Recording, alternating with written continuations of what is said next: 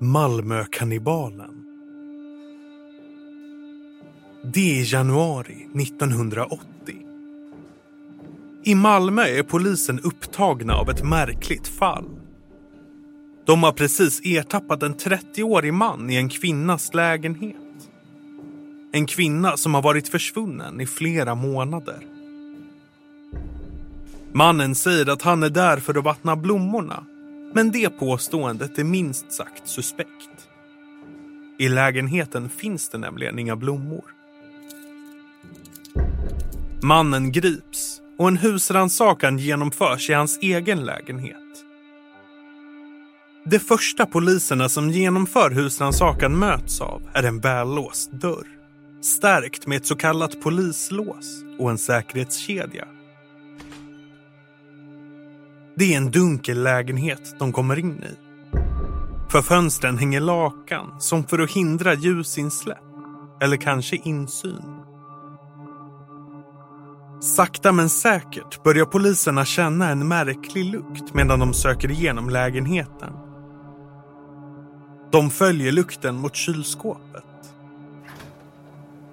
När de öppnar kylskåpsdörren blir stanken mycket värre och de får syn på något som kommer att vända upp och ner på hela fallet.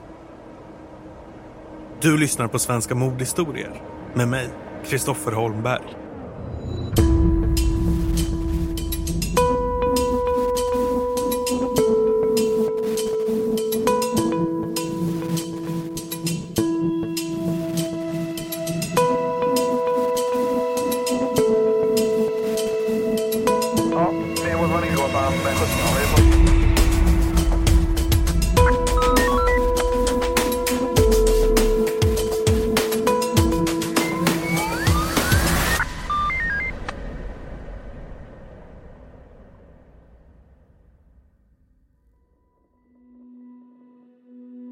Slutet av 1940-talet föds Nils i Helsingborg, där han också växer upp. I en bok som handlar om just den här berättelsen, Den vedervärdiga boktjuven, skriven av Joakim Palmqvist, beskrivs Nils som ett udda barn. Men han ska också ha varit duktig i skolan. En vass läsare. Nils tar studenten i slutet av 60-talet men han känner sig inte färdig med läsandet. Han gör som många andra i Skåne med akademiska ambitioner och flyttar till universitetsstaden Lund. 1970 tar han examen i historia och slaviska språk. Efter det flyttar han runt i södra Sverige och livnär sig som bland annat lärarvikarie. Samtidigt börjar han isolera sig mer och mer från andra människor, skriver författaren Joakim Palmqvist. Enligt Palmqvist hör han röster från andar. Palmqvist skriver också att Nils pappa tar honom till psykiatrin i Lund 1975. Detta för att sonen ska slippa värnplikten. Läkaren bedömer mycket riktigt Nils som olämplig för militären. Men han bedöms inte som någon i behov av psykiatrisk behandling. Ett år senare, när Nils är 27 år gammal, flyttar han till Malmö och skriver återigen in sig på universitetet i Lund. Men den här gången är det ämnet filosofi som lockar. Och inte vilken filosofi som helst. Han är särskilt intresserad av Indien och de olika vishetslärorna som finns i den indiska kulturen. Nils studier tar över hans liv mer och mer och snart verkar de bli viktigare än behovet av mänsklig närhet.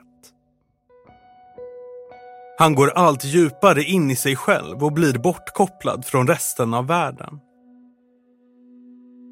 Under den här perioden går Nils runt på en skral budget. Han lever på 20 000 kronor om året, vilket motsvarar runt 100 000 kronor i 2022 års penningvärde.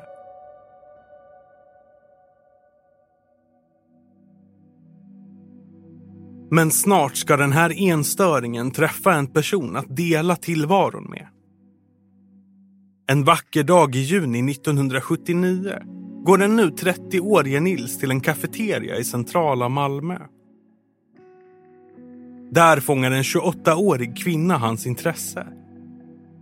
Hon sitter och läser en bok om indisk religion. Han närmar sig kvinnan som presenterar sig som Anna och de två inleder ett samtal. Det blir snabbt tydligt att de har många gemensamma intressen. Den 28-åriga prästdottern Anna visar sig snart ha det ganska tufft. Hon har en treårig son. Men i och med att pappan har vårdnaden får hon inte träffa pojken särskilt ofta. Anna lider själv av schizofreni och är därför förtidspensionerad sedan flera år tillbaka.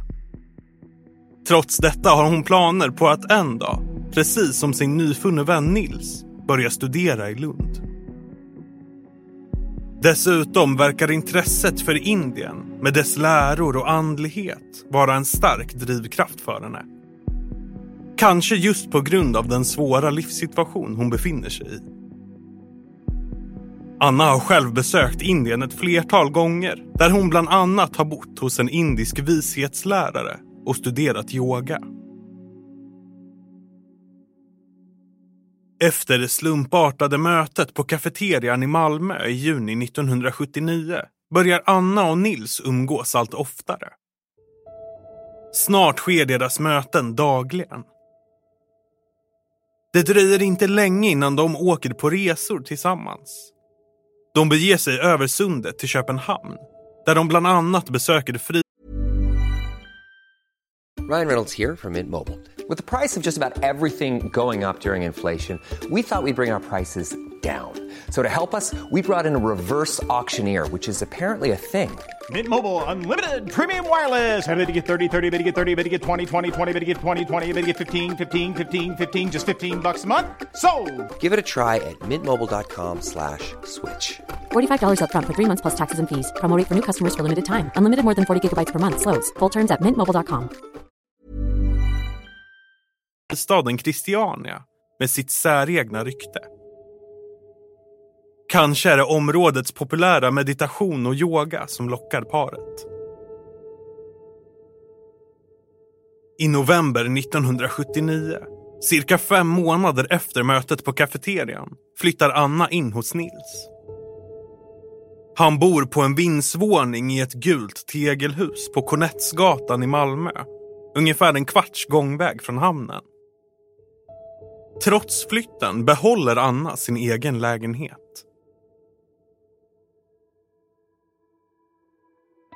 Det är onsdag den 7 november 1979. Hösten har ett hårt grepp om Malmö och löven har försvunnit från i stort sett alla stadens träd. Trots det ruskiga vädret är Anna förmodligen exalterad. Det har precis bestämts att hon ska få träffa sin lille son i helgen. Den här dagen är Anna på besök hos sina föräldrar.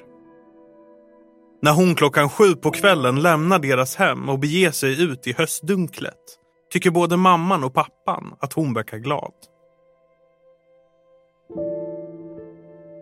Det blir till slut helg, men Anna dyker inte upp för att träffa sonen.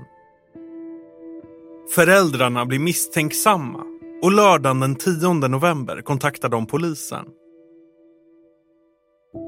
Den 19 november, nästan två veckor efter att Anna sist sågs till, efterlyses hon av polis. Att Anna helt oannonserat försvinner så här är inte helt ovanligt. Hon har tidigare åkt utomlands i långa perioder utan att berätta det för sina anhöriga. Annas pappa, som jobbar som präst, begär den 21 november att få tillgång till Annas lägenhet. Kanske vill han se om det finns några ledtrådar som kan avslöja vart dottern har tagit vägen. När han kommer in i lägenheten möts han av en märklig syn. Annas hem är otroligt stökigt. Skåpen står tomma, men innehållet finns kvar i hemmet. nertryckta i stora sopsäckar. Men någon ledtråd om vart Anna har tagit vägen hittar man inte. Pappan märker även att dotterns sjukpension saknas och efterlyser de försvunna pengarna. Veckorna fortsätter att gå. Adventssöndagarna leder upp till jul och mellandagarna leder upp till nyår. 28-åriga Anna har fortfarande inte dykt upp eller kontaktat någon. Snart kommer polisen få upp ögonen för Annas sambo Nils. Men det är inte kopplat till hennes försvinnande utan gäller något helt annat. I januari 1980, cirka två månader efter att Anna försvinner, hamnar sambon Nils i bråk med sin mamma. Hon anklagar sonen för att ha stulit flintyxor och mortlar från henne. Det hela går så långt att mamman till sist gör en polisanmälan. Den 8 januari 1980 genomför polisen en husrannsakan i Nils lägenhet på Kornettsgatan i Malmö. När de kommer upp till vindsvåningen möts de av en vällåst dörr. Men väl inne i lägenheten är det inte några stulna mortlar som fångar polisens uppmärksamhet. I den kusliga vindsvåningen hittar de ett privat bibliotek. Det är en samling böcker som alla tillhör Malmö stadsbibliotek. Det visar sig att Nils har hundratals stulna böcker hos sig. De flesta handlar om religionshistoria. De är uppradade på hyllor eller nerpackade i lådor. Totalt har de ett värde på över 100 000 kronor. Polisen hittade också flintyxor och knivar. Nils grips och efter att ha förhörts i några dagar släpps han i väntan på rättegång. Men varken det Nils berättar eller det polisen hittar i hans lägenhet berör Anna som fortfarande är spårlöst försvunnen.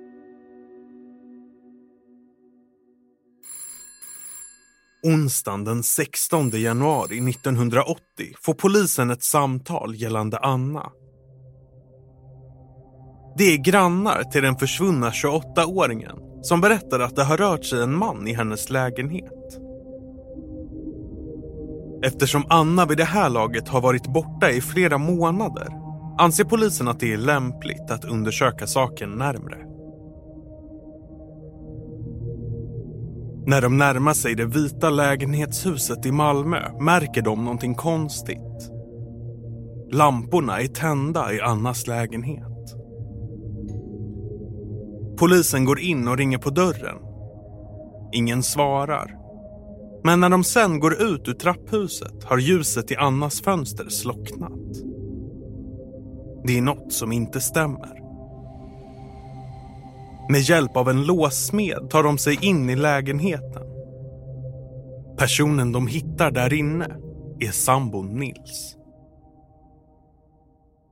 Nils säger att han är i lägenheten för att vattna blommorna. Något polisen tycker är märkligt. Anna har nämligen inga blommor. Dessutom noterar de att Annas tv samt en kartong med böcker saknas från lägenheten. Det ger polisen en anledning att gripa Nils för andra gången den månaden. Och för andra gången den månaden genomför Malmöpolisen en husrannsakan hemma hos honom. Polisen går in i den gula tegelbyggnaden där Nils bor. Sen tar de sig upp till hans vindsvåning och in genom den vällåsta ytterdörren som är försedd med ett niotillhållarlås och säkerhetskedja. Polisen kommer in i en mörk lägenhet. Det hänger lakan för fönstren. Förmodligen för att förhindra oönskad insyn. De börjar söka igenom 30-åringens säregna boende och tycker att våningen närmast liknar en fästning. Det dröjer inte länge innan de hittar tvn som saknades från Annas lägenhet. Denna gång märker polisen också något de inte märkte när de var där bara två veckor tidigare. En märklig lukt har spridit sig genom den dunkla vindsvåningen. En svårbeskrivlig söt lukt som verkar komma från kylskåpet. När de öppnar kylskåpsdörren blir den starkare och de blir snabbt varse om var den kommer ifrån. På hyllorna ligger flera paket kött inlindade i linnedukar. Köttet har börjat ruttna. Polisen antar att det bara är något djur. Ändå skickas det inlindade köttet på undersökning till Statens rättskemiska laboratorium i Linköping. Nils förhörs, men sätts snart på fri fot igen. Den 18 januari, två dagar efter polisens husrannsakan, kommer dock ett besked som ändrar allt. Laboratoriet säger att de inte kan utesluta att köttet tillhört en människa. Den 19 januari ger till slut en professor som undersökt köttet ett definitivt svar. Bland slamsorna har man hittat delar av lunga och lever från en människa. Nu måste Nils gripas på nytt. Den 20 januari förhörs han återigen. När han konfronteras med bevisen bryter han ihop och berättar allt. Den 7 november 1979, dagen då Anna försvinner, åker hon som vanligt hem till Nils efter besöket hos sina föräldrar. Under kvällen sitter de och dricker vin tillsammans i vindsvåningen. Men efter ett tag vill Nils vara i fred och läsa. Han går iväg och slår sig ner vid sitt skrivbord. En stund senare kommer Anna fram till honom. Hon är klädd i ett nattlinne och gör enligt Nils sexuella närmanden. Men Nils är inte alls intresserad. Tvärtom. Han är redan djupt försjunken i sin bok och blir bara irriterad av Annas invit. Trots det står hon på sig och enligt Nils själv blir han nu så frustrerad att han tar fram ett par handbojor och låser fast sambon. Enligt Nils fortsätter Anna uppmana honom att ha sex med henne, trots handbojorna. Nils går då in i badrummet och börjar fylla badkaret med vatten. Sen går han tillbaka ut för att hämta Anna, som fortfarande sitter fastlåst. Med våld lyckas han få ner henne i det nyss fyllda badkaret. Sen gör han det. Han trycker ner Annas huvud under vattnet och håller kvar henne under ytan tills hon slutat andas. Nils berättar för polisen i detalj hur han sen styckade kroppen medan den fortfarande låg i badkaret. Vissa delar linnade han in i linnetyg och la i kylskåpet. Andra delar stoppade han i plastpåsar. Dessa transporterade han ner till hamnen i Malmö i olika etapper för att sen kasta dem i vattnet. Under perioden som han gjorde sig av med de olika köttbitarna löste han samtidigt ut Annas sjukpensionspengar. Snart berättar Nils ännu en makaber detalj. Vid ungefär tio tillfällen ska han ha tillagat Annas kött och ätit det som måltider. Trots att det här är ett glasklart erkännande måste det ändå bekräftas. Man kan till exempel kontrollera om berättelsen om de slängda kroppsdelarna i Malmö hamn faktiskt stämmer. Måndagen den 21 januari börjar man dyka i det iskalla januarivattnet i området kring hamnen. Inga kroppsdelar hittas vid den första genomsökningen. Men dagen efter hittar dykare ett huvud som tillhört en kvinna ungefär där Nils berättat att han dumpat kroppsdelarna. Huvudet har alla tänder utdragna, vilket gör det svårt att identifiera. Dykarna lyckas dock till slut hitta en tand i hamnen och även flera andra kroppsdelar. När den här informationen når allmänheten börjar rädsla och spekulation sprida sig. Dagen efter fyndet och en vecka efter att Nils ertappats i Annas lägenhet rapporterade Expressen att polisen håller på att utreda ifall det rör sig om flera kroppar. Samtidigt skriver de att flera kvinnor har försvunnit i Christiania, där Nils har varit. Och att man har hittat saker i Nils dagbok som tyder på att han kan ha dödat fler människor. Polisen har även hittat identitetshandlingar från en annan person i Nils lägenhet. Är det här något som Nils har gjort förut? Men polisen lyckas snart få tag på personen som de stulna identitetshandlingarna tillhör. Och denna är i allra högsta grad vid liv.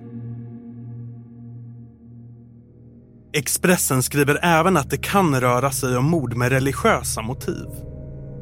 De menar att både Nils och Anna har varit engagerade Subtle results, still you, but with fewer lines. Botox Cosmetic, out of botulinum toxin A, is a prescription medicine used to temporarily make moderate to severe frown lines, crow's feet, and forehead lines look better in adults. Effects of Botox Cosmetic may spread hours to weeks after injection, causing serious symptoms. Alert your doctor right away as difficulty swallowing, speaking, breathing, eye problems, or muscle weakness may be a sign of a life threatening condition. Patients with these conditions before injection are at highest risk. Don't receive Botox Cosmetic if you have a skin infection. Side effects may include allergic reactions, injection site pain, eyebrow and eyelid drooping, and eyelid swelling. Allergic reactions can include rash, welts, asthma symptoms, and dizziness. Tell your doctor about medical history, muscle or nerve conditions, including ALS or Lou Gehrig's disease, myasthenia gravis, or Lambert-Eaton syndrome and medications, including botulinum toxins, as these may increase the risk of serious side effects. For full safety information, visit BotoxCosmetic.com or call 877-351-0300. See for yourself at BotoxCosmetic.com. engagerade i indisk sekterism och att vissa av de sekterna utövar mänskliga offerriter och kannibalism. Onsdagen den 23 januari, tre dagar efter Nils makabra erkännande, genomför polisen ett nytt förhör med honom. Men nu drar han tillbaka sin berättelse. Han river till och med sönder förhörsprotokollet och säger nu glömmer vi detta. Dagen därpå häktas han av Malmö tingsrätt. Samtidigt bestäms det att han ska genomgå en rättspsykiatrisk undersökning.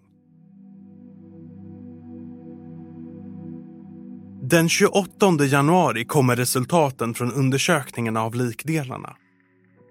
En professor vid rättsläkarstationen i Lund kan rapportera att de delar av lunga som man hittat i Nils kylskåp har tillhört Anna. De kan inte bekräfta att dödsorsakning är drunkning, men samtidigt talar ingenting emot det. De kan också konstatera att samtliga likdelar som hittats i Malmö hamn är från samma person. Det här ger i alla fall någon form av lättnad. Nils verkar inte vara en seriemördare och Annas anhöriga kan äntligen få någon typ av avslut. Ett halvår senare, i juni 1980, är det dags för rättegång. Nils har sedan han drog tillbaka sitt erkännande inte svarat på några frågor om mordet på Anna. Av den anledningen och på grund av resultaten från den rättspsykiatriska undersökningen beslutar man att Nils inte ska vara med på själva rättegången. Det skulle enligt rätten riskera att Nils psykiska tillstånd försämrades. När det kommer till vad som egentligen hände den där ödesdigra novembernatten har man fortfarande bara Nils erkännande att gå på. Men man har heller inte hittat något som talar mot det. Man kan också konstatera med hjälp av kvitton att Nils kort före mordet införskaffat flera verktyg som tycks ha använts för att begå brottet. Månaden innan Annas död köpte han både en urgröpningskniv och handbojorna som han låste fast henne med. Under samma månad installerade han även niotillhållarlåset och säkerhetskedjan på sin ytterdörr. Enligt rätten tyder allt detta på att mordet var planerat. Läkaren som genomfört den rättspsykiatriska undersökningen kommer fram till att Nils genomfört brottet under inflytande av sinnessjukdom. Mer specifikt schizofreni. Han menar att Nils är i starkt behov av sluten rättspsykiatrisk vård. Och så blir det också. Den 25 juni 1980 döms Nils för mordet på Anna och överlämnas till sluten psykiatrisk vård. Här kunde historien varit slut. Men Nils kommer få lite mer tid i medias rampljus. När Aftonbladet pratar med honom 2006, hela 27 år efter mordet, är det en ångerfull man de möter. Trots ången påpekar han att mordet ägde rum för länge sedan och att han numera bara kan blicka framåt. Den nu 57-årige Nils får fortfarande rättspsykiatrisk vård. Men tack vare permissioner får han bo i sin egna lägenhet tre dagar i veckan. Enligt honom själv utgör han inte ett hot mot någon.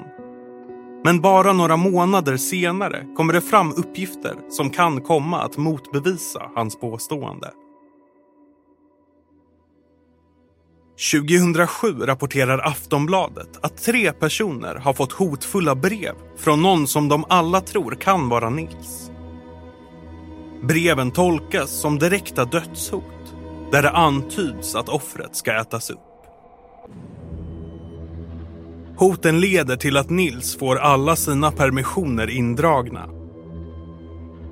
En av personerna som får breven är journalisten Joakim Palmqvist som senare kommer att skriva boken Den vedervärdiga boktjuven som handlar om Nils och mordet på Anna.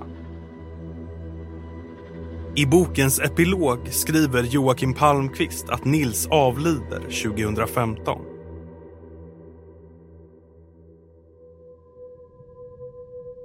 I ett sånt här fall är det lätt att fokusera på de makabra detaljerna och den säregna gärningsmannen.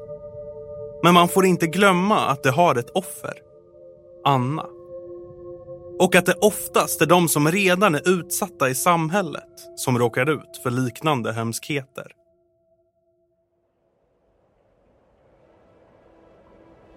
Du har lyssnat på Svenska mordhistorier med mig, Kristoffer Holmberg.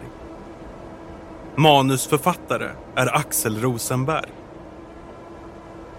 Alla namn i det här avsnittet, förutom författaren Joakim Palmqvist, är fingerade. Källorna för avsnittet kan du läsa på podmi.com snedstreck svenska bindestreck mordhistorier. Svenska mordhistorier görs av podcastbolaget Cast för Podmi.